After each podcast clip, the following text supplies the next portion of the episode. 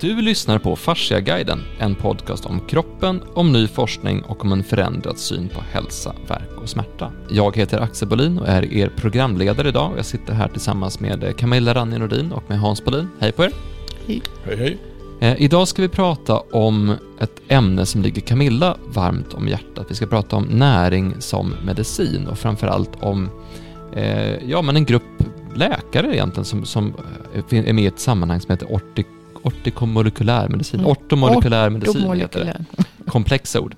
Eh, du kan väl berätta vad ortomolekylär medicin är för någonting? Först på en gång bara, så kör vi. Mm. Ortomolekylär medicin, det är alltså eh, en eh, alltså läkemedel, eller rättare sagt medicin utan läkemedel kan man säga.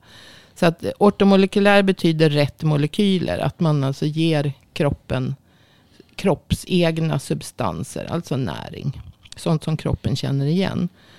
Och eh, det finns, alltså, i Sverige finns det Svenska sällskapet för ortomolekylär medicin. Och det är ju då, eh, ja det kanske är fler, men det är en samling läkare som, som så att säga, är mer specialintresserade utav näring. För att eh, vården idag är inte så intresserad utav näring överhuvudtaget. De fnyser åt det och så. Men det här är alltså eh, ett, en samling läkare då som, som alltså anser att näring är ju det, det viktigaste så att säga, för att läka kroppen.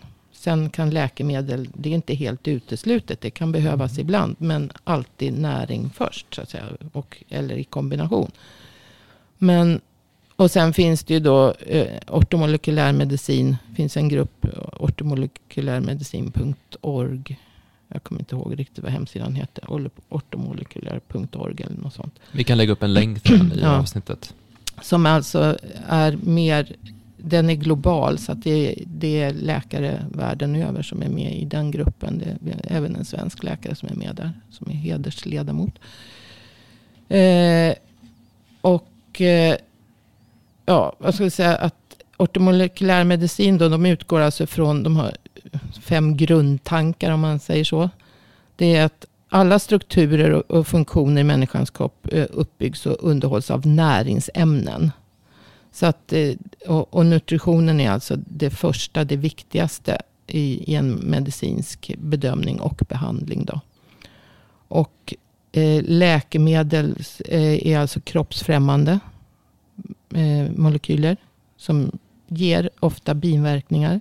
Och det, det är ju oftast med läkemedel att det dämpar symptom. Det tar inte bort orsaken. Så ibland kan det ju vara så att vi har en näringsbrist. Men, och så dämpar man effekten av den näringsbristen med läkemedel. Vilket är helt tokigt då. Och sen har vi ju då också eh, effekten av miljögifter. Och all våran raffinerade eller, eller eh, processade mat. Som folk, de flesta äter idag. Vi har väldigt mycket gifter och tillsatser. Som man inte vet effekten utav. Det är i alla fall kroppsfrämmande ämnen som inte liksom bör vara där. Eh, och man har inte sett alla effekter utav långsiktigt då, utav tillsatser i, i mat. Och sen tänker man också på att alla människor har en biokemisk, alltså vi är individer. Alla har behov, olika behov av näringsämnen. Och vi pratade lite om för beroende på vad du äter. Så har du ett behov av, om du äter väldigt hälsosamt. Eh, inte stressar, inte, inte dricker alkohol, kaffe, sådana saker som utarmar kroppen på mycket mineraler. Så har du ju ett näringsbehov. Och om du har en, du har en genetik som också ger ett visst alltså, skillnad i, i näringsbehov. Du har en kroppskonstitution. Alltså att eh, är man överviktig, fetma kan alltså ge ett sämre upptag av vissa näringsämnen. Så att individen, det, det måste vara individanpassade näringsämnen eh, egentligen då. Sen eh, kan man ju säga att, att eh, och det här, det här menas ju inte då att man ska eh, multivitaminer är sällan liksom Därför att det är för låga doser. För att få plats med allting i en tablett så är det för låga, låga doser. Så att säga. Men först och främst är det ju en väl sammansatt kost utav fina råvaror som inte är processade. Det är liksom nummer ett vad man ska tänka på. Att inte så mycket som möjligt rena råvaror. Och inte socker. Men det här var ju någonting som Linus Pauling. Jag tror att det var han och en annan som hette Abraham Hoffer. Som eh, Linus Pauling fick ju Nobelpris i, han är biokemist eller kemist. Fick Nobelpris i kemi 68 eller någonting sånt. Men är han svensk? Nej, nej, nej, nej, han är amerikan. Eh, han är död nu.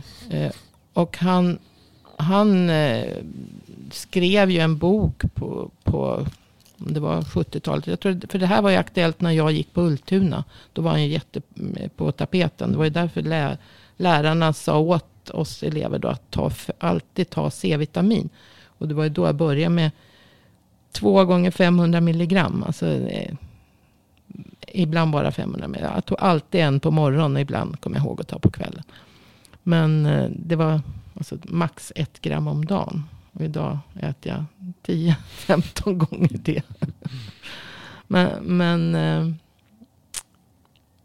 det har jag ju bara gjort under några år nu. Alltså, så att det, de här, det här ett grammen kan jag säga, det hjälpte mig inte att hålla mig frisk i alla fall. Men nu var det ju bara C-vitamin jag åt. Och sen har jag ju uppdagat så att jag hade, har jag haft väldigt mycket brister utav olika näringsämnen under hela, hela mitt liv kan man säga.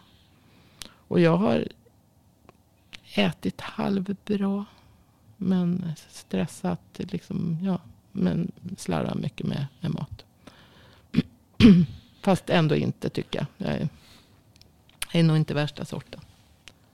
Men om man tar de här, eh, den ortomolekylära 54 samfunden. 54 fick han Nobelpris 54 i ehm, Men om man, om man, tar den här idén då, så någonstans är det ju att, okej, okay, men om du, har, om du har huvudvärk till exempel, då ska du inte ta en värktablett och liksom dämpa huvudvärken och sen gå vidare med ditt liv, utan du ska fundera på vad var det som gjorde att jag fick huvudvärk och så testar man det och så ser man vad, vad är det man gör det. Då är frågan egentligen, eh, och sen använder man då olika typer av näringsämnen för att eh, återställa en balans i, en näringsbalans i kroppen kan man säga, mm. eller näringsstatus. Och hur, hur går det till och vad får det för resultat?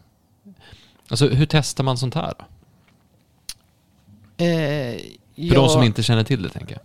Ja, det, fi det finns ju, alltså, det är inte vanligt att man, man eh, att det ingår en massa, om man tar ett prov på någon det finns ju flera aktörer in, som tar blodprov. Alltså att man får ta det privat så att säga, själv. Vården kan nog vara svårt att komma till vården och be att få testa sitt D-vitamin. Eh. Men principen är väl att man antingen testar eh, håret och kollar hårmineral ja, eller att man tar en helblodsanalys blod, och tittar blod. Blodprov mm i olika former eller håranalys. Det är ju det, hårmineralanalys. Och då visar det ja. hur man, vilken näringsstatus man har Precis. och så sen så gör Hårmineralanalys man en... visar ju lite mer långsiktigt för hur du har haft det. Blod, blodanalys visar ju mer liksom, hur står du idag. Mm. Och så finns det en helblodsanalys också som visar. Mm, men det eh, görs inte i Sverige. Nej. Eh, för då, då kan vi ta till exempel, för vi gjorde ju det, en helblodsanalys allihopa. Mm. Eh, både jag och Hans och Camilla och Ivar och och Charlotta och, och för den delen. Och så sen så tittar man då på hur, eh, hur, då får man bestämma innan vilken typ av tester gör man. Eh, och jag själv kollade mina olika mineralnivåer och jag kollade även D-vitamin. Och jag kollade D-vitamin för att jag ville se hur höga nivåer har jag av D-vitamin med tanke på att jag äter 5000 internationella enheter per dag, har gjort det i två och ett halvt år. Vilket är väldigt mycket mer än rekommenderad dos. Man brukar prata om ja, men, 1000 eller 2000 eller något sånt där som, som, ja, en, som en hög inte, dos. Inte ens så, 400. Ja men precis, mm. men, men 2000, 2500 är ganska hög dos och så har jag tagit 5000 per dag i två och ett halvt år. Det är intressant att se, ligger jag liksom över gränsvärdet? Mm. Och det gjorde jag inte, utan jag låg, jag låg högt, jag hade ett bra värde, men inte över det som man brukar kalla liksom det, det referensvärde man ska ha. Och ibland, det är intressant. Ibland står det ju internationella enheter. Jag, jag tror 5000 internationella enheter, är det 165 mikrogram tror jag. Någonting sånt. Det stämmer nog. Men eh, de, de flesta rekommendationerna är väl kanske Men det är, det är det här som är intressant, då, för om man då tittar på, eh, jag kan ju ta mig själv, för jag var med på den analysen, så kan du berätta om din och du berättar om din Hans och så vidare Mm. också. Men det, det som är intressant var att se till exempel att mitt eh, magnesium, eh, jag hade väldigt, väldigt lågt på magnesium. Och det är alltså en person som har ätit väldigt mycket magnesium som tillskott under två års tid också. Så att även om man, apropå det här med att det är individanpassat och situationsanpassat, så kan man ju se att ja, men jag hade väldigt lågt magnesium, antingen för att det har varit mycket påfrestningar eller mycket stress, eller för att eh, jag inte tog upp det som jag skulle eller någonting sånt där. Jag hade Mm. också behov av att ta B-vitamin, vilket jag inte har gjort tidigare. Så att man, på det sättet kan man ju se, nu var ju vi också väldigt friska allihopa, ska, ska sägas. Det är ingen av oss som har någon, någon större eh, sjukdom, eller så, utan alla mår relativt bra. Men det är ändå intressant att se att även om man följer någon form av rekommendation på till exempel hur mycket magnesium man ska ta så kan det vara för lite eller för mycket. Eh, hade väldigt höga zinkvärden till exempel. Och, och då kan man som se själv, vad ska jag göra för att anpassa mig? Så det var ju, men du gjorde också en test på, på fettsyra va? Nej, jag gjorde aldrig gjorde det? Okej. Men vad visade dina tester? Eh, mina tester, ja, hon, hon sa ju att det var, jag hade enormt bra för att vara en kvinna i min ålder, som hon sa. Eh, Just mineralvärdena, eh, ja, det mesta, eller allting låg väldigt bra. Jag hade väldigt högt D-vitamin. Jag har tagit 5000 IE i, i två år. Har tagit 5000. Innan dess tog jag två och ett halvt. Jag minskar till två och ett halvt på sommaren. Men när jag började ta D-vitamin, det det är fyra år sedan jag började ta så mycket. Det var min sista lunginflammation som jag säger. Eh, då började jag ta D-vitamin. Då låg jag väldigt lågt i D-vitamin. Sen ett år senare så hade jag fått upp det, men det var fortfarande in, då hade jag tagit två och ett halvt. Jag hade fortfarande inte fått upp det jättehögt. Eh, sen har jag tagit 5000 och då för ett år sedan så var det mycket högre. Och nu var det ännu högre. Så att jag, jag kanske kan dämpa lite på intaget där. Men, men alltså det var inte, det var jättebra. Eh, eh, och sen var det väldigt högt på, jag hade högt på zink, magnesium, alltihopa. Och eh, selen också. Nu jag tar jag eh, selentillskott också. Då, men där kan jag också ta och lugna ner mig lite tror jag. Det som heter... Men jag bara säga, magnesium är ju lite lurigt. För jag vet fortfarande inte hur... För magnesium är svårt att analysera just bara för att 99% av magnesiumet finns i mitokondrierna. Mm. Och det finns inte i blodplasma eller serum. Och när man mäter det då, som jag, när jag gjort det tidigare, för typ för ett år sedan och för två år sedan och tre år sedan. Så, så mäter de ju plasma, eller om det är serum. Men det är alltså den flytande delen utan blodkroppar. Eh, och så då får, alltså där får man ju inte något riktigt värde. Du kan ha högt där, men du kan ha lågt i mitokondrierna i alla fall. Mm. Men har du lågt i blodet, då är det definitivt en brist. Så att, alltså, man ska inte, men man kan inte vara idiotsäker bara för att man har högt. Nu gjorde vi en hel, helblodsanalys. Och jag frågade ju då vad är skillnaden? Eh, eftersom de röda blodkropparna har inga mitokondrier. Så därför så blir det liksom, er, hur pass funkar det där i alla fall. Egentligen ska man göra en, en mycket mer avancerad analys. Men det, det går ju inte att göra in, in, alltså som en sån, eh, vad heter det? Alltså för att testa eh, var och varannan människa. Utan det, det, det är något som man gör inom analyser. Då kan man testa liksom i cellerna och i mitokondrierna. Men den, enda, den enda skillnaden jag kunde se där med, med helblodsanalys. Det är att resterande, alltså vi har ju tre typer av, av blodkroppar. Det är röda blodkroppar som inte har mitokondrier. Sen har du vita blodkroppar, de har mitokondrier. Blodplättarna har väl också mitokondrier. Där vet jag faktiskt inte, men det borde de ju ha. Eh, röda blodkropparna har inte det därför att de bär runt på, på syre. Så, så att eh, de, de kan liksom inte förbruka det syret i mitokondrierna. Om man säger så. Eh, och då, då får man väl en, en riktigare bild ändå. Utav, därför att du har de mitokondrierna så att säga. Så du får en, en mer korrekt bild med helblodet än med plasma eller serum. Sen vet Mm. jag inte hur korrekt det är. Det vet jag inte. Men det, det ger i alla fall en hint om att ligger du lågt. Som, du låg alltså lågt. Mm. Det, det, det är inte bra. Det är inte alls Nej, bra. Det är inte bra. För, för att då, då har du ju lågt. Mm. Och lågt magnesium ska man inte ha. Ja, Mm. precis. Så det är extra För mycket det magnesium. påverkar ju så otroligt mycket annat. Det kanske är därför som du inte ligger jättehögt i D-vitamin också. För, för, trots att du äter så mycket. Mm.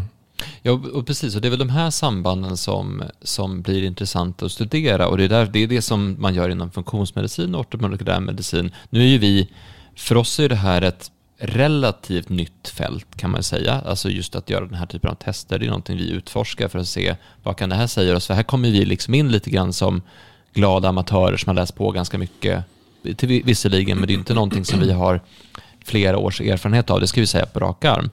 Eh, men vi någonstans tänkte jag som exempel bara ge, ge in på vad, vad är det man gör för någonting. För det är ju, man tar ju den här typen av eh, blodtest eller helblodstest, man kan ta en hårmineralanalys, man kan också ta, eh, vilket jag själv har gjort, en, en DNA-test för att se vad har jag anlag för, vad är jag känslig för och då kan man se vilka variationer som finns där.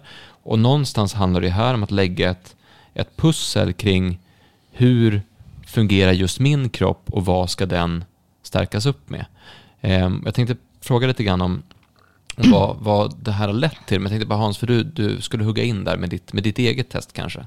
Nej, egentligen det var det som, jag, det, det som vi pratar om här är ju läkare som är, försöker titta på vad behöver vi ha för att vara friska.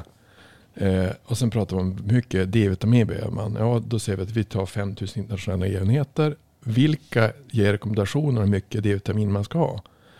Det är inte Läkemedelsverket, utan det är Livsmedelsverket. Så att det är intressant med att distinktionen med, när vi pratar om hälsa och medicin så pratar vi om Läkemedelsverket som är främmande. När vi pratar om, om det här så är det ju Livsmedelsverket, det är ju näring. Och det, det är ju lite intressant att hur kan det komma sig att det, det här är distinktionen som finns. Vi vet att, alltså, vi vet att C-vitamin är väldigt viktigt. Att det är otroligt viktigt för, för att bli fri, hålla sig frisk.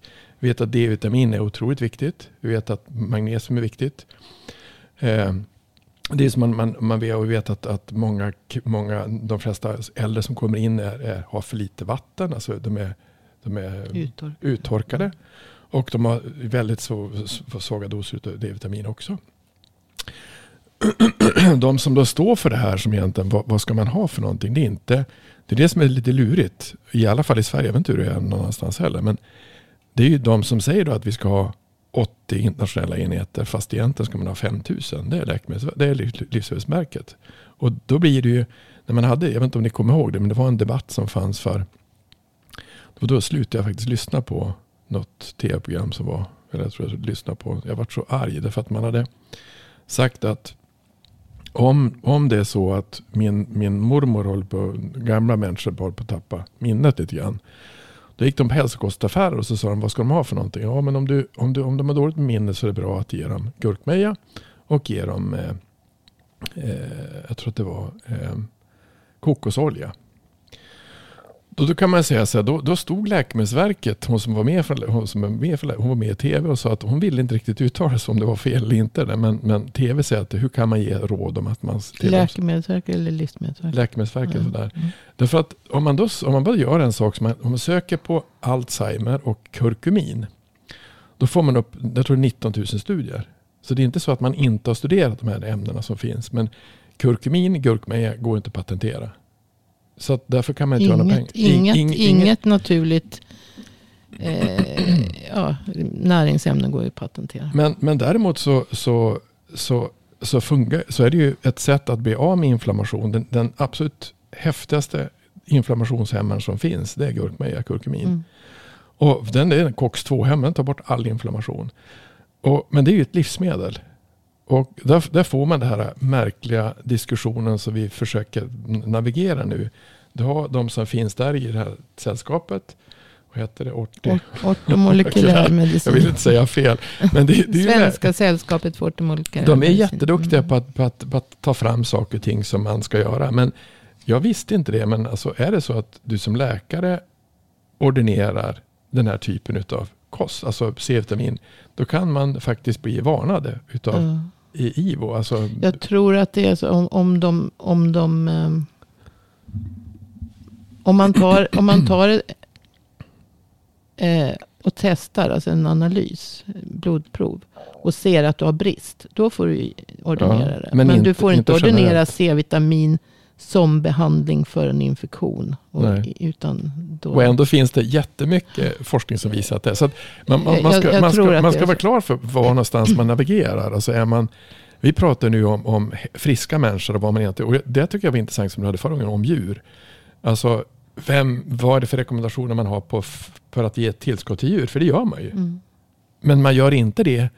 Alltså där, där handlar det om att hur ska vi hålla, alltså jag tror man har mer regler för att hålla kossor och tjurar friska än och höns Mm. än vad man har för att hålla människor friska.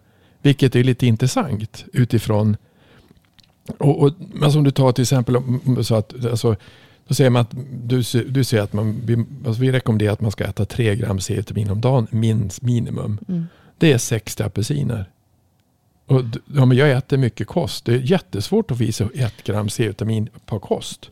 Du får äta fruktansvärt mycket. Och det kanske beror på att vi har utarmat jordarna eller något annat som finns. Det vet, kan jag inte svara Jag vet på. inte om C-vitamin på, påverkas utav det. Men, men utan det är mer mineralerna. Men, Ja, men eh, också att vi har en extrem stress i Ja, samhället. som- precis. Det, det, är ju, det är ju mer det. Men om man, egentligen så kan man ju gå in på, eh, för att liksom knyta ihop den biten, vi pratade ju i, jag tror förra avsnittet och även avsnittet om beröring, om, om hur vi har identifierat det som är skapat av människan som bra, men att vi har främjat oss från naturen. Mm. Eh, och det, där ser ju också uppdelningen mellan det man pratar om läkemedel och det man pratar om livsmedel. Eh, man ser ju inte livsmedel som läkemedel, men det de här har tittat på, det man har tittat på sedan tidigare också, det är att, att mat, växter, saker från naturen faktiskt har läkande kraft, att saker från naturen kan vara Jo. läkande. Ja, men det det, har- som, det som Ann Fernholm har gjort, hon är, hon är upprörd. Hon har skrivit två böcker, tre böcker. Ett sötare, nej, ett sötare blod, det sötaste vi har, någonting mer. När hon berättar om hur, alltså det absolut farligaste som finns, det är socker. socker. Mm. Alltså det, det, det finns ingenting som är så farligt. Och man pratar om att man ska ha skatt på läsk, eller man, man, eller, men det finns vissa saker som finns i fredagsmys, som man tycker är bra, som är totalt giftigt. Kan det finnas saker och ting som vi äter som är farliga? Ann Fernholm menar, socker är livsfarligt, ge det inte till barn. Och vi har sötare och sötare mat och vi kommer att få ah, konst, sjukdomar som beror på att maten är fel. Och där kan man säga att det, det, där, därför får du en, en märklig eh, skiljelinje med läkare som, som propagerar för näring och näringstillskott, alltså näring och mat. Och ett livsmedelsverk, jag vet inte vad det finns i andra länder, men som kanske propagerar för någonting annat. Det, det är ju lite intressant. Problemet med alltså, överskott på socker. Vi får ju så enorma överskott på socker idag. Så att det är ju det, är det som är problemet. Att, Och socker förbrukar magnesium. ja, och C-vitamin. Och. C-vitamin. Så framförallt alltså, tar du C-vitamin och socker samtidigt så, så du har samma transportkedjor in i cellen. Glukos och, och C-vitamin. Vi är sponsrade av Fasciaklinikerna och Fasciaklinikerna finns ju för dig som har ont i ryggen eller andra typer av fysiska problem eller för dig som vill öka din rörlighet och prestation eller för dig som bara vill må bra och se till att du mår bra. Och de här fasciaterapeuterna och fasciaspecialisterna som jobbar på Fasciaklinikerna, de, de fortbildar sig hela tiden. Hur går det till, Ivar Bolin? Jo, det är egentligen så att vi har sett till så att de hela tiden fortbildar sig via digitala utbildningar som vi har tagit fram. Sen är det också så här att vi försöker alltid utveckla egentligen konceptet och utbilda, eh, eller egentligen utveckla behandlingen också. Och de här utvecklande idéerna har då alla som är med i fasciaklinikerna tillgång till. Och vi träffas också två gånger i veckan via egentligen online-möten där vi diskuterar med varandra och utbyter erfarenheter och utbyter idéer och eh, om de här sakerna som vi har testat för att hela tiden våga och försöka hitta nya saker till ökad rörlighet, förbättring eller egentligen bara hjälpa så många som möjligt om man kanske kör fast. Så den här hela tiden konstanta utvecklingen och utbildandet håller oss hela tiden på tårna för att kunna göra så bra och så bra behandlingar för alla som kommer till oss på fasciaklinikerna som möjligt. Så då innebär det för mig som kund, vi säger att jag kommer med ganska svår problematik, då innebär det att om då inte min terapeut kan hjälpa mig, då kanske den har ett svar till nästa gång jag kommer. Precis. Så där är också så att om man kommer med ett problem och man ser kanske att ja, men det, det blev lite bättre, men hur, hur ska jag kunna gå vidare härifrån? Hur ska jag kunna bli av med mitt problem? Det är också just att alla terapeuter som är i fasciaklinikerna, de har ett nätverk egentligen av alla som är med i hela konceptet. Där de hela tiden kan bolla frågor, bolla idéer och försöka få svar för att hjälpa just sina kunder med deras problem. Men om man går tillbaka till, för vi, vi har ju pratat om att det finns en, en separation. Det finns en separation mellan eh, hur vi ser på oss själva och hur vi ser på naturen, mellan oss och naturen, mellan det som är skapat av naturen och det som är skapat av människan. Men sen finns det också en uppdelning av olika institutioner, har vi pratat mycket om i podden också, att det faktiskt är olika fysiska byggnader. Eh, och det var, det var en person som faktiskt gjorde en granskning för att se vem, vilken, vilket departement undersöker eh, alltså vilket departement granskar forskningen om vitaminer som läkemedel. Och då pratar man om att det borde social, eh, eh, styrelsen göra? Nej, men de hänvisar till Folkhälsomyndigheten och Folkhälsomyndigheten hänvisar till Läkemedelsverket och Läkemedelsverket säger att vi granskar inte det här för det här är inte ett läkemedel. Mm. Och det, det, är ju fullt rimligt. Utan det är Livsmedelsverket. Ja. Mm. Och Livsmedelsverket granskar ju inte ifall någonting har en läkande effekt eller inte, därför att livsmedel är ju inte läkemedel. Och det är det här, där har du uppdelningen mm. att livsmedel inte är läkemedel per definition i hur man ser på saker. Och då har du ju, har du den synen från första början så blir det svårt att titta på livsmedel som läkemedel. Så att, men om vi, om vi bortser från, från den biten nu, för det är ju, nu är det ju faktiskt ett gäng läkare här, både i Sverige och internationellt, som gör hårtester, som gör DNA-tester, som gör blodtester för att se hur är din näringsstatus. Och sen så ordinerar de då medicin, alltså medicin i form av vitaminer och mineraler, kost, för att få folk att bli friska. Mm. Vad händer då med de här patienterna som kommer till de här samfunden? Vad, vad, vad får de för typ av reaktion? Blir de bättre?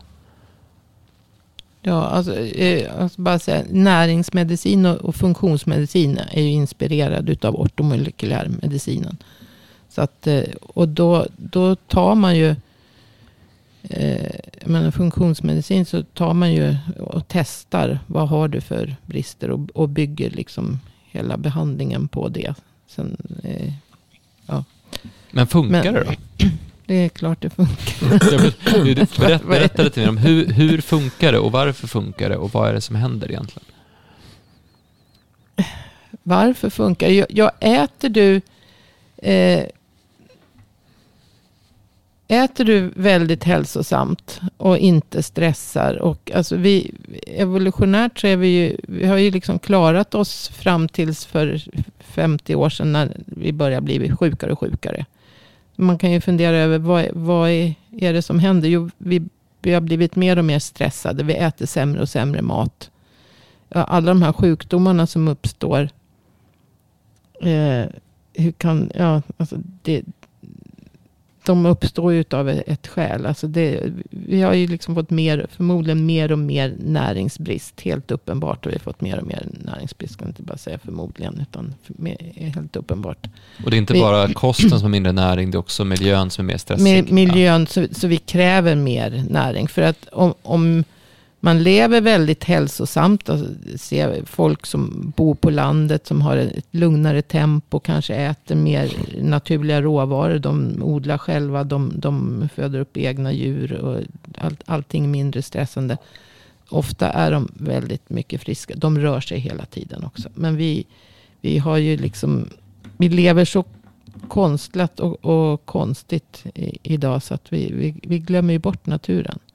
Och då, då kräver vi mycket mer eh, näring för att hålla kroppen i, i, igång. Och det här kommer ju också lite in, eller kanske bara ska, eh, jag har ju sagt det i och för sig, då, men vad, vad ortomolekylärmedicinen säger om skillnaden mellan näring och läkemedel. Det är liksom att, att, punkt ett då, att näringsämnen, de, det är essentiella ämnen som vi behöver för, för kroppen. Medan läkemedel är kroppsfrämmande. Det har jag sagt förut. Eh, och sen eh, eh näringsämnen, de, de, det är alltså bekant för kroppens fysiologi. Och eh, ofta har då näringsämnen lägre toxicitet än läkemedel. Bortsett från, det finns undantag, till exempel selen kan vara väldigt toxiskt om man får i sig för mycket av det. Eh, läkemedel är då inte, pat- eller de är patenterbara medan näringsämnen inte är patenterbara som, som eh, Hans sa nu. Så det, och det är det som eh, ortomolekylärmedicinen också tar upp som punkterskillnaden mellan näring och läkemedel. Um, ja, vad var det jag skulle säga? Vad som, men du, du skickade ett, ett, eh, ett case till mig som faktiskt varit väldigt intressant från en eh, Dwight eh, Kalita som är en PhD. Eh, som berättade om hur han föddes med en, en speciell mus- muskelsjukdom som hette eh, Nemalin myopati. Mm. Vet inte vad det heter på svenska, men, Nej. men eh, Mm. han var i alla fall på utredning efter utredning, slussades mellan läkare och, och olika instanser i USA och så sen så fick han liksom, ja men han fick lära sig att leva med det här, den här sjukdomen och så Det är genetiskt. Det är så genetiskt så mm. att det gick inte att göra någonting åt och så var han så och så vidare. Men sen när hans son föddes så hade han samma problem. Och då tänkte han bara så här, ska min son utsättas för samma procedur som jag har varit med om i hela mitt liv? Ja men det här går ju inte.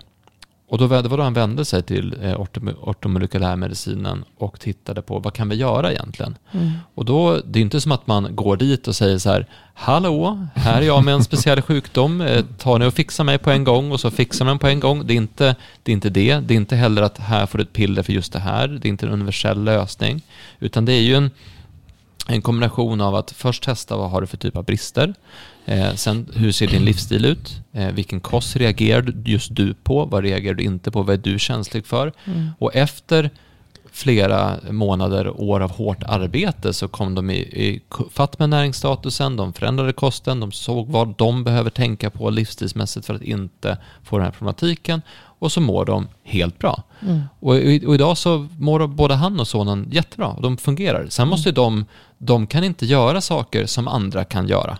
De kan inte äta saker som andra kan äta, Mm. men de har hittat ett sätt att förhålla sig till sitt liv så att de inte har ont, inte har problem, inte har den här trötthet, trötthet som fanns eller huvudvärken, de sakerna som finns. Och det är väl det som det handlar om, att hitta och, och förstå att alla människor har olika förutsättningar. För när, när vi gjorde till exempel den här DNA-analysen så, så såg vi, det var jag och min fru som gjorde den, och så såg vi vad är man, vad är man känslig för? Eh, och jag hade tydligen väldigt bra anlag i att jag egentligen bara är känslig för en enda sak. Jag är känslig för inflammation. Så det är väldigt bra att jag inte äter saker som ger inflammation. Till exempel att jag äter mycket socker. Som tur är så införde min pappa sockerförbud när jag var 12 år gammal. Så att det har aldrig varit ett problem för mig. Jag har aldrig behövt eh, alltså, tänka på den biten för just att jag haft det där med mig sedan tidigare. Så att jag, jag kan äta ganska mycket och klara sig ganska bra. Min fru däremot var väldigt känslig för toxiska ämnen. Så till exempel, eh, hon kanske ska vara försiktig med, med grillad mat. Hon kanske inte ska hålla på med, med rökning till exempel. Nu gör inte hon det i alla fall. Men hon kanske ska undvika att vara på en plats med mycket avgaser. För att hon är känslig för just toxiner. Men att jag kanske inte är det. Och där har vi olika förutsättningar och det gäller att hitta en, en balans i hur man håller till det. Och det är väl det de, den här branschen håller på med, eller de här, de här läkarna håller på med. Men hur tas det här emot då? För de, vi, har ju, vi har ju ett läkemedelsverk som säger nej men inte, vitaminer är inte medicin. Och så har vi ett livsmedelsverk som säger ja men vitaminer ska man inte ta i högre doser än så här. Nej, att det är farligt med Mm. att överdosera vitaminer. Men sen har vi en grupp läkare som är väldigt pålästa. Det, det är läkare vi Mm. pratar om här. Det är, inte liksom, det är inte jag och Camilla som sitter och startar en Facebookgrupp, utan det är, det, är, det är utbildade läkare som jobbar med det här dag ut och dag in. Hur tas de här emot av resten av, eh, av ja, samhället, om man säger så? Men alltså, det har ju inte hänt så... Ja, det, det, det kanske kommer att hända någonting nu de närmaste åren. Det finns ju de som tror det. Men, men annars, så- jag menar, det är flera av de här artiklarna, om man tittar då på ortomolekylärmedicinska sällskap. De är skrivna i början på 2000. Eh, och det är 20 år sedan. Och det har fortfarande inte hänt så mycket. Men finns det mycket forskning på att det funkar? Det finns väldigt mycket forskning på D-vitamin. Alltså det finns väldigt, och C-vitamin inte minst. Men det finns väldigt mycket forskning på näringsämnen. Och i, I USA så är det ju inte lika tabubelagt som här. Utan här, här är det ju det att, att de får ju inte ordinera näringsämnen på samma sätt vad jag förstår. Utan att förlora legitimationen. Eller riskera att förlora legitimationen. Så det är ju, Mm. det är ju en påtryckning ifrån. Och dessutom så. Det ingår ju ingen, ingen eh, utbildning om näring. Egentligen på eh, läkarutbildningen. Jag har haft två, Alltså det jag har haft två patienter nu alldeles nyligen. åtta timmar. En, en kvinna som har haft jätteont. Så fruktansvärt ont. Hon har haft ont i 25 år. Jag har behandlat henne någon gång förut och det har varit jättebra. Eh, sen kom tillbaka. Eh, och när hon kom nu så såg vi det så att då har vi en kvinna som jobbar med oss som är- håller på med näring. Och så såg vi att hon hade järnbrist. Hon hade väldigt mycket lever. Alltså mycket eh, lever som alltså leverfläckar. Det har hon alltid haft. Men det, och sen så var det en annan sak som var det att så fort vi skulle behandla henne så det var precis som att kroppen bara ryckte till. Alltså det vart som kramp. Så fort det släppte så vart kramp och så släppte och kramp och släppte det. Och då, då har vi ju tagit fram då via Tyskland eh, liposomalt magne, magnesium. Så jag tog och gick och hämtade liposomalt magnesium, en matsked. Och sen har vi även magnesium. Eh, lite, mer- inte en tesked, det är lite mer än en tesked. I alla fall. Och så sen så eh, eh, en dessertsked gav vi hon. Och sen så eh, tog också magnesium som spray. Och la på ryggen. Och efter, alltså det var precis som att så fort du gjorde någonting så bara fick kroppen kramp igen. Och hon hade så jädra ont som var inte sant. Och efter en timme eller en 50 minuters behandling så var helt kroppen helt lugn. Så jag skickade med hon eh, och då fick då magnesium liposmalt med sig. Som skulle ta en tesked om dagen. Och sen äta. Alltså försöka stärka upp immunförsvaret. Förstärka upp kroppen. För att hon är ju hon är gammal men hon är trött. Och sen kommer det en annan kar. Eh, hon kommer tillbaka nästa vecka. Sen kommer en annan kar som hade varit, han har varit med om då en bältros sjukdom. Och eh, varit pigg men totalt slut efter den här bältrossjukdomen som var. Och det var samma sak som jag sa att är det någon som hur, hur, alltså han var ju fortfarande tagen av den sjukdom han hade haft. Alltså bältros. Mm. Men han har varit jättestark och jättepigg och allting. Men nu var han totalt orkeslös och slut. Så det är bättre att du försöker hitta ett sätt att, att boosta ditt immunförsvar. Boosta din kropp så att du blir pigg igen. Och sen att vi kan sätta igång och försöka sätta fart på flödet. Sätta fart i kroppen. Och han gav ju också C-vitamin. Jag gav honom både liposmat C-vitamin. Jag gav han eh, magnesium också. Och han var också mycket piggare när han gick därifrån. Så det är inte bara det här är, det som är intressant med att när, när vi har sjukdom som C-vitamin har varit, som man har skrivit om, eh, Levi och annat. det, det är viktigt att vi tillför näring. Att vi faktiskt ger kroppen en chans att läka. Och därför blir, därför blir det väldigt märkligt när man inte har med det, alltså den typen av energi i medicin. Alltså i, alltså i sjukvård överhuvudtaget. Det är därför det är lite konstigt att man har gjort så. Därför att det visar sig, alltså de har gjort om den här boken det naturliga universalmedlet som, som han har skrivit, som är översättning på svenska. Det visar enorma fall utav att man kan faktiskt bli mycket, mycket bättre om man tillför näring och min, alltså mineraler och vitaminer. Mm. Så att inte... Eh, och jag tror det som var när jag var i USA, så det man, där finns det ju... Där har man ju fått... De har ju mycket, mycket sämre kost än vad vi har. Men vi var där, vi hade svårt att hitta något ställe att äta frukost på, Camilla. Man var nästan sjuk när man var. Ja. Ja, men allvarligt. Så vi fick ju runt och leta ställen man kunde få någon sån här... På mer- den tiden jag åt frukost. Ja, exakt. Nu äter jag inte frukost. Men, men där ser man, där är ju... Där är ju, det finns ju livsmedelsbutiker som är jättefina råvaror på. Mm. Du var ju på en restaurang som bara hade egna, han odlade väl egna saker. Det gick väl ifrån, var det inte så att du, du var på den restaurangen där de hade allting rå, färdiga råvaror. Så att där har man ju fått, där är ju friskhet en klassfråga. Mm. De som är rika, de rör på sig, de äter sådana här saker. De, där är ju allt det här som vi kommer, därför kommer funktionsmedicin ifrån USA. Mm. Därför att där hittar man på, där, är de som, där har man ett annat sätt att säga, men jag har pengar, jag vill vara frisk, jag vill vara så. Mm. Eh, och där är, där, där är det ju nästan white trash. Där har man som alla som är, det är billigt, mycket socker. Som du går på en McDonalds hade, de hade så en och en halv liters cola man kan få extra. Extra pommes frites och extra cola och, och så. Men, då- Men- det, det här är ju en problematik i att, att eh, det här som vi pratar om med, med, med blodtest och Det, hårmandelanalys. och det är ju en klassfråga. Det är jättedyrt. Eh, och jag menar, jag, jag och min fru, vi har lagt, jag har säkert lagt 10 000 spänn på, på tester senaste tre åren. Kosttillskott är dyrt. Och kosttillskott är dyrt också för den delen. Och det här är någonting som vi, där står ju vi för. Det, det, är, ingen, det är inte subventionerat på något sätt heller, utan det, då blir det någonting som man, man, man står för. Jag menar, jag lägger säkert, jag tror vi, vi, vi har väl nu sen vi började ta fram egna kosttillskott har det blivit lite, lite billigare för kassan, men jag har säkert, vi har säkert lagt 2000 spänn ibland per månad på, på kosttillskott, eller i alla fall 1000 kronor per månad på kosttillskott. Nej, det blir nog snarare två faktiskt. Ja, det, Och, och det är ju en, en Ja, men det är väl inget, det är väl, alltså, om det, om det, det är väl ingenting att, alltså, så mycket är det kanske, men alltså, det är väl ingenting att lägga på att, att hålla 12 000 per år, att hålla sig frisk.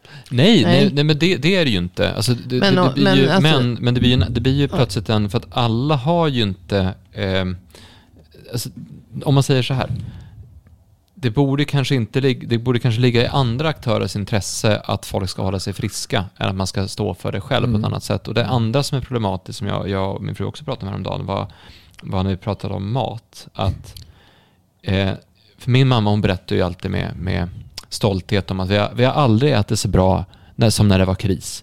För när det var kris på 90-talet, då, då vi rotfrukter, hemlagat, soppor, långkok. Men skillnaden tror jag då mot nu, det var att då var den nyttiga maten billig. Men idag är den nyttiga maten dyr. Dyr. mm. Och det som är billigt idag det är pasta och pastasåser. Precis. Det är halvfabrikat och färdiga saker. Och det tycker jag man såg så tydligt när det var Odlad lax. Ja, men du vet den här, den här eh, em, första eh, pandemivågen där i mars, eh, april 2020 när, Mm. när hyllorna på ICA tömdes. Mm. Det som tömdes var ju pasta och krossade tomater och pastasåser. Mm. Det var det som folk bunkrade upp med. Och det, det säger ju någonting Och om toalettpapper. Men det är ingenting, ingenting med kost att göra kanske. Men, men det säger någonting om, om vad för typ av mat, för vi, vi märker det nu när vi har, när vi har småbarn hemma och hund hemma och jobb och saker. Det, det är mycket man ska hinna med och ska man hinna laga mat. Och då, jag förstår också människor som äter mycket mer ute, beställer hem mat med Uber Eats och så vidare Mm. eh, som eh, köper någonting som ska vara lätt att bara kasta ihop och inte laga mat från grunden. Därför att idag, vi har så lite fokus på maten, på att Mm. maten faktiskt ska ha kvalitet, att det är så lätt att man gör det här andra istället. Mm. Och det där blir ju en, en ond spiral och det blir ju en, en sak där, där många framförallt eh, som är, har det lite sämre ekonomiskt faktiskt äter skit. Och det är det vi har sett det, i Det USA. är det som är problemet. Att, att dålig mat, är, eller den billiga maten är då, dålig mat. Mm. Eller tvärtom. Eh, just för att det, och tittar man, krossade tomater, allt sånt där. Det, det billigaste, det är tillsatt socker. Det, Mm. det är tillsatt socker i allting. Och varför måste det vara tillsatt socker? Mm. Mm. Därför det triggar igång ett sötsug. Jag har haft ett sötsug hela mitt liv. Jag kan säga att jag, nu har jag inte ätit socker på ett år. Någon gång har jag tagit faktiskt Mm. en, bara, men jag är livrädd att det ska. Men, men jag kan ju fortfarande gå och titta snett på godishyllan i butiken. Sugen alltså. Och, och, och bli sugen. Men sen vet jag att nej, men om jag tar det där så kommer jag tycka att det är så fruktansvärt sött. För, att, för det har ändrat sig nu när inte jag äter socker. Att jag tyck, när jag tar någonting som är sött Mm. och väl får det i munnen så tycker jag, alltså så gott var det faktiskt inte. För det, det är fruktansvärt sött. Jag Mm. reagerar ju, jag har ju fått sån otrolig skillnad i smakupplevelse. Både på Mm. salt och framförallt salt och socker. Mm. Alltså jag upplever allting väldigt salt och allting väldigt sött. Mm. Så, så att maten smakar, jag får ju mer känsla av vad maten egentligen smakar. Så, och grönsakerna, allting har blivit godare. Mm. Men jag kan ju fortfarande, det sitter i hjärnan det här när jag går förbi en, en god. Ja, men en det god där, det men- där är lite och, läskigt alltså, Jag faktiskt. ska inte ta en Ahlgrens bilar. Jag ska Jag liksom gjorde ju så när vi var, minns du det? Vi hade, ehm, vi hade ju, Axel och Iva de, har ju, de fick uppleva mormors mor och mormors far. Det, det, de vet inte ens min mor, jag vet inte ens när jag jag, jag upplevde inte ens min farfar. Så att det, det, är en generation till. Och Sixten då som var din mor, alltså morfar som jag kallar honom då. Han var jättedålig, han skulle dö. Så vi åkte upp till Umeå och så sen så eh, kom vi dit. Och då låg han i han hade en säng som man kunde vika upp. Så här, som man kunde vika upp elsäng. Man kunde, så han låg där som eh, upp, upp, uppvikt. Och så kom de in så att Axel, och Ivar och Lotta sprang till honom. Åh Sixten hur är det, hur är det? Och så sen så kom jag in och han var helt likblek. Och så sa jag, du Sixten har inte fått någon mat? Nej, jag har inte fått någon mat. jag har inte ätit någonting. Och då, då höll jag på med drickenergi. Alltså tänkte hur mycket, för jag kom på att man kunde mixa saker. Kunde man äta fruktansvärt mycket om man drack det istället. Alltså man kan äta du körde fruktdrinkar och det här var alltså 2004 kanske? Ja, frukt... Det var långt innan det blev jättetrendigt. Kan jag ja, fruktdrinkar. Så hade, ja, ja, hade, ja. jag hade frukt och så, sen så då hade jag spirulina. spirulina, det var en alg som var tydligen fantastiskt bra. Så hade jag ingefära. Ja, den var inte så bra. Spirulina, avokado, apelsin, eh, så hade jag alltid något bär, blåbär eller lingon, eller blåbär, lingon hade jag inte, blåbär eller hallon eller något annat, jordgubbar. Och så sen så mixar man ihop det till en och en halv liter. Så, så, så, så jag åkte så, så till sa till Sixten, nu måste du ha mat. Ja. Så åkte jag och köpte en sån där mixerstav. Och så sen en massa grejer då. Så brasslade ihop en sån där en och en halv liter. Så det här ska jag dricka tre, alltså en liter tror jag bara, 1,2 tror jag. Drick det tre gånger om dagen. Alltså vill du äta, för då mormor hon var ju sån här sockergumma då. Så vill du, ha en, vill du käka en bulle med henne kan du göra det också. Men då får du all näring du behöver. Och det var dagen för julafton. och sen så, och han skulle inte ens vara med på julafton. Han, skulle, han var ju färdig. Så på julafton klockan fyra ringer han mig. Hör chefen, kom du och hämta mig nu. Vad är då? Ja men jag är frisk nu, så, så, så, På en och en halv dag hade han blivit helt som ny. Han var uppe till elva. Så att, och det som är intressant då det är att alltså då tyckte jag det här skulle vara ett enkelt sätt för, för äldre människor blir ju inte så sugna på att laga mat och inte ensamma. Så att dricka energi var inte så dumt egentligen. Så att, men eh, så där kan man se vad fort man kan återställa en kropp. För att han är förmodligen vätskebrist. Ja. Han är förmodligen mineral. Han är förmodligen D-vitaminbrist. Brist. Han hade mm. brist på allting. Men på ett dygn så var han uppe och for. Så att jag tror att det, det, det och sen det, han skulle ha det där, alltså, då skulle, han hade hemtjänst då, men de vägrade göra det. De kunde stoppa in maten i mikro men inte göra sånt. Mm. Så det bråkar ju Monica om. Så det är ganska intressant. Varför, varför, alltså vilken näring har man egentligen på, på äldre människor? Mm, och det, det, här är ju såklart ingenting mot hemtjänsten. För jag vet ju att de har ju rätt tufft också ja, med sina begränsningar. Så det är, inte, det är inte det vi säger. Utan snarare det är en, det är en principsak här. Det är en, det är en fundamental problematik i att man inte ser på näring som så viktigt det är. Samtidigt som jag tror att alla människor har en erfarenhet av att man mår bra när man äter något som är gott och nyttigt. Ja. Och så, och Men det är ju samma sak, alltså det här med kostnaden. För att om man tänker, funktionsmedicinen är ju inte heller erkänd. Alltså som, du, du får ju ingen ersättning om du går till en funktion. Nej. Det är jättedyrt. Det är ingen... Ja, det är väl 30-40 tusen och sånt där va? Ja, 40, jag tror säger 40 000. Men, men, men de blir ju, jag vet ju flera stycken som har blivit hjälpta. Men, men det, alltså, det är ju så det är helt vansinnigt. Varför mm. kan man inte erkänna det? Och, och de, det är inte så att de bojkottar läkemedel helt, men de tar i första hand i, i tur mm. med näringsbrister och, se, mm. och kost och livsstil överhuvudtaget. Mm. mm. Så det, det är liksom, vad behöver du? du och just med Alltså röker man, dricker alkohol och stressar så gör man av med så otroligt mycket näring. Alltså vitaminer och antioxidanter. Så kroppen blir ju helt utmärglad på. Mm. Plus en sak som vi inte nämnde, jag tänkte med skillnaden också. Det är ju tarmfloran. Den mm. borde man ju också kolla. Nu har, det har jag tänkt i flera år också, men det har jag inte gjort. Men nu fick jag ju höra utav Inger här nu att jag hade ju, måste ju ha en otroligt bra tarmflora eftersom jag hade tagit upp mineralerna så bra. För då annars, alltså den, det är ju den också mm. som i sån otrolig skillnad på och läkemedel tar död på tarmfloran. Mm. Alltså, och, och hur, alltså, vad, vad, är det man säger? Eh, dödsorsak nummer ett är hjärt-kärlsjukdomar. Ja. Sen är det cancer. Tredje, nej, nej, trä... två, två, är, två, är, två är läkemedel. Ja, det var nummer tre här för ett tag sedan. Men, Mm. men okej. Mm. Läkemedel som alltså tar död på folk. Mm. Och, och jag kan ju säga, jag som har ätit blodtrycksmedicin i 10-15 år, tills för några år sedan. Eh, det kostade en hundring om året eller någonting sånt, den medicinen. Nu äter jag kosttillskott och bra mat. Det är dyrare. Och, och det är betydligt dyrare än den där hundringen om året. Men jag, jag har alltså under de sista åren alltså inte ätit blodtrycksmedicin. ja, men och det är väl fått- där som den, har- den större fått- frågan fått finns. att- ja. Eh, va- varför, är, varför är blodtrycksmedicineringen så subventionerad men inte, Och statiner. Men inte det Och det andra? blev jag också beordrad att ta. Så här, det var då jag blev så Det är, förbannad. väl, så att, det är väl där, men där kommer vi in på, på en diskussion som är alldeles för stor för det här programmet och som kanske inte är, det kanske inte är vi som ska ta den diskussionen, men det är någonting man kan börja fundera på, att varför har vi byggt upp ett samhälle, för att den här blodtrycksmedicinen, den kostar ju inte en hundring per år. ja. Den kostar fruktansvärt mycket mer, men den som betalar för det är ju vi genom skatten.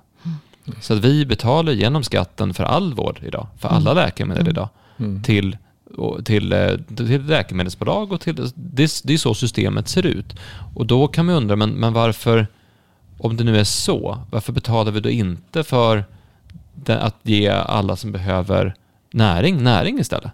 Det skulle, det skulle man lika gärna kunna göra, eller att man gör båda två, men varför ska det ena vara subventionerat och inte det andra? Och den diskussionen får man väl börja, börja lyfta mer i samhället. Och det får gärna de som lyssnar börja fundera på också. Hur kan man lyfta hade, det här på ett bra hade, sätt? jag hade en diskussion eh, när vi skulle in i Finland. Så han som en heimhackare inne som vi hade kontakt med då. Han, han sa att det man är intresserad av det var egentligen att hålla folk friska. Alltså ifrån, då får man ha det i Finland en annan syn på företagshälsovård. Men jag vet inte om vi har det i Sverige annorlunda heller. Men han sa att, att, få, att få tillbaka folk, att manuell behandling och att förebygga saker och ting. Det, det var det man tittade på i de bolag han var med styrelsen i.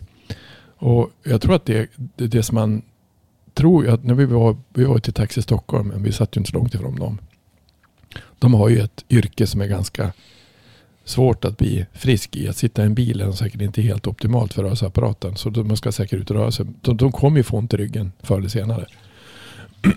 och då var vi, vi var behandlade där någon, någon eftermiddag och de tyckte det var jättehäftigt. Alla, och det var en som var ordförande som var med i Taxi Stockholm. Det är en, det är en intresseförening. Jo, det är ett intresseförening. Och han, var inte, han, han tyckte det var intressant att se om kan man göra förebyggande. Därför att det som händer egentligen det är ju att sjukskrivningar kostar ju pengar. Alltså vad kostar sjukskrivningar? Och det, det, det, jag tror att det kan bli så att företagen kan vara intresserade av att investera i friska människor.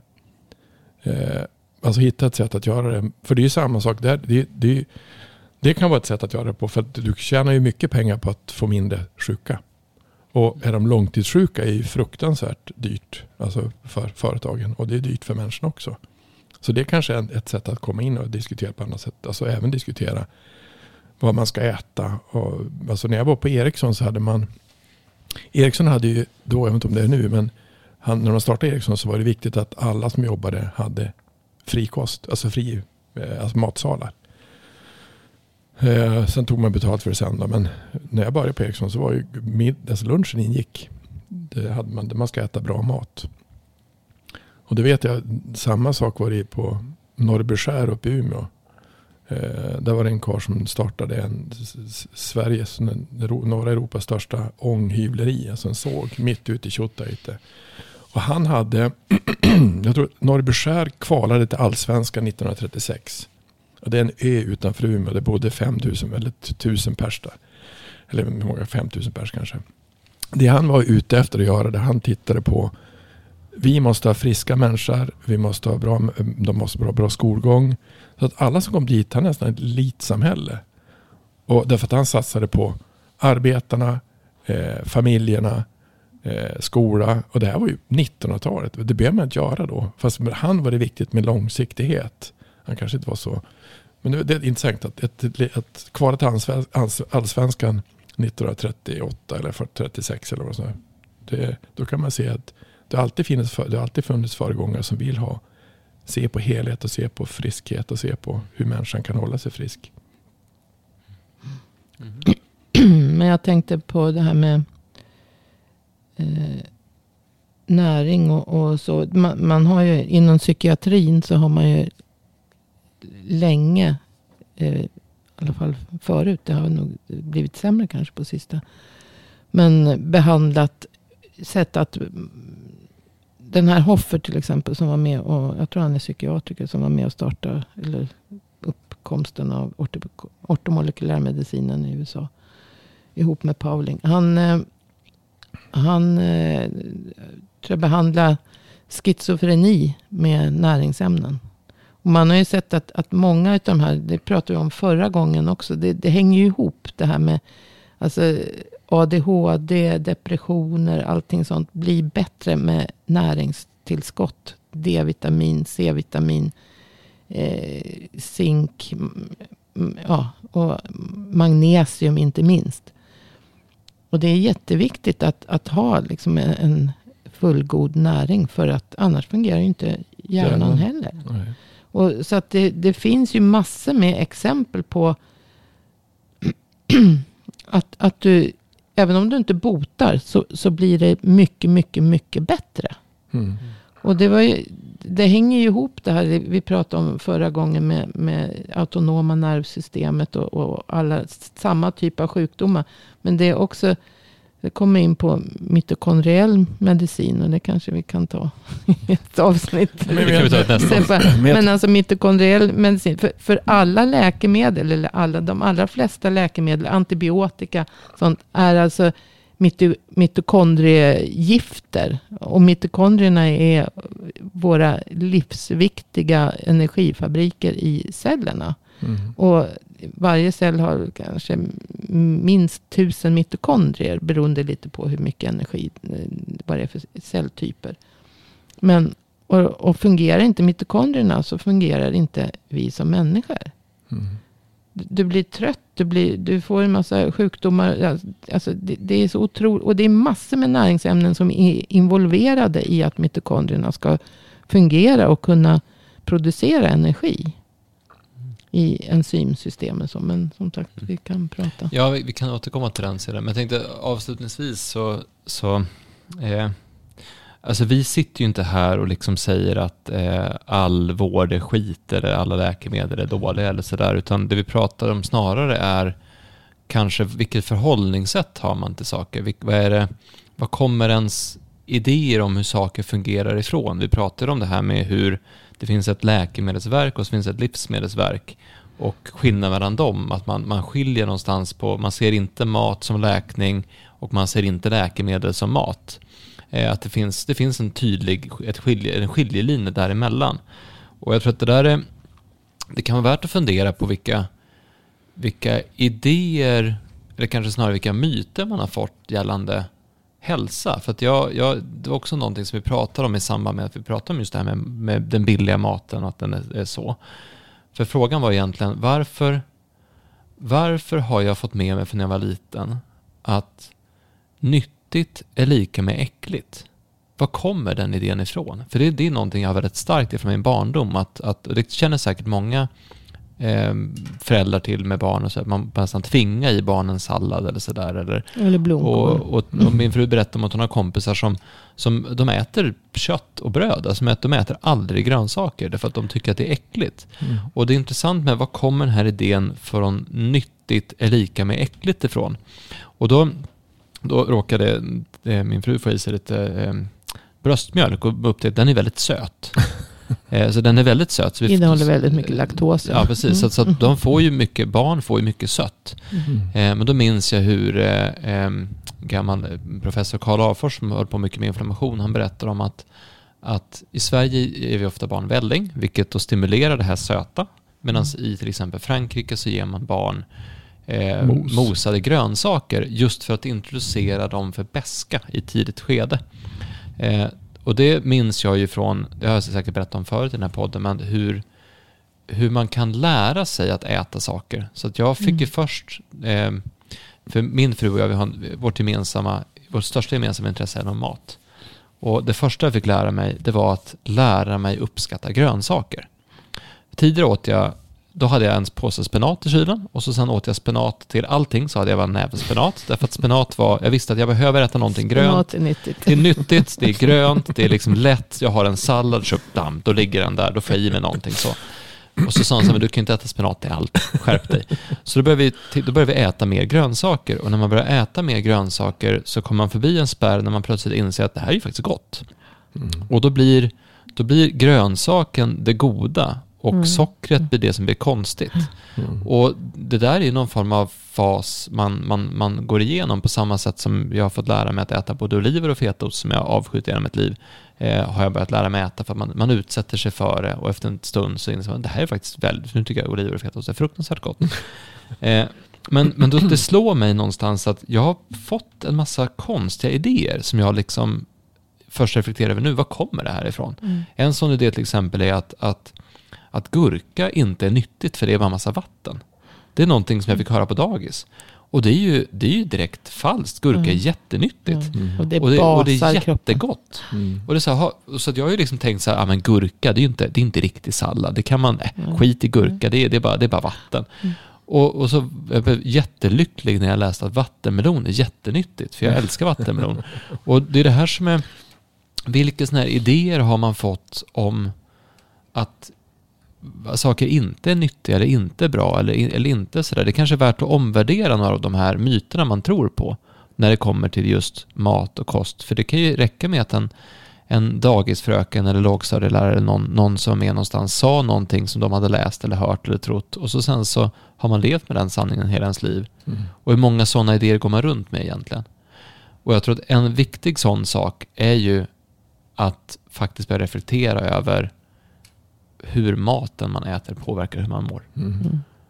Och man kanske behöver se över sin näringsstatus. Mm. Framförallt påverkar den tarmfloran. Mm. Och Mm. men tarmfloran är också ett eget kapitel. Mm.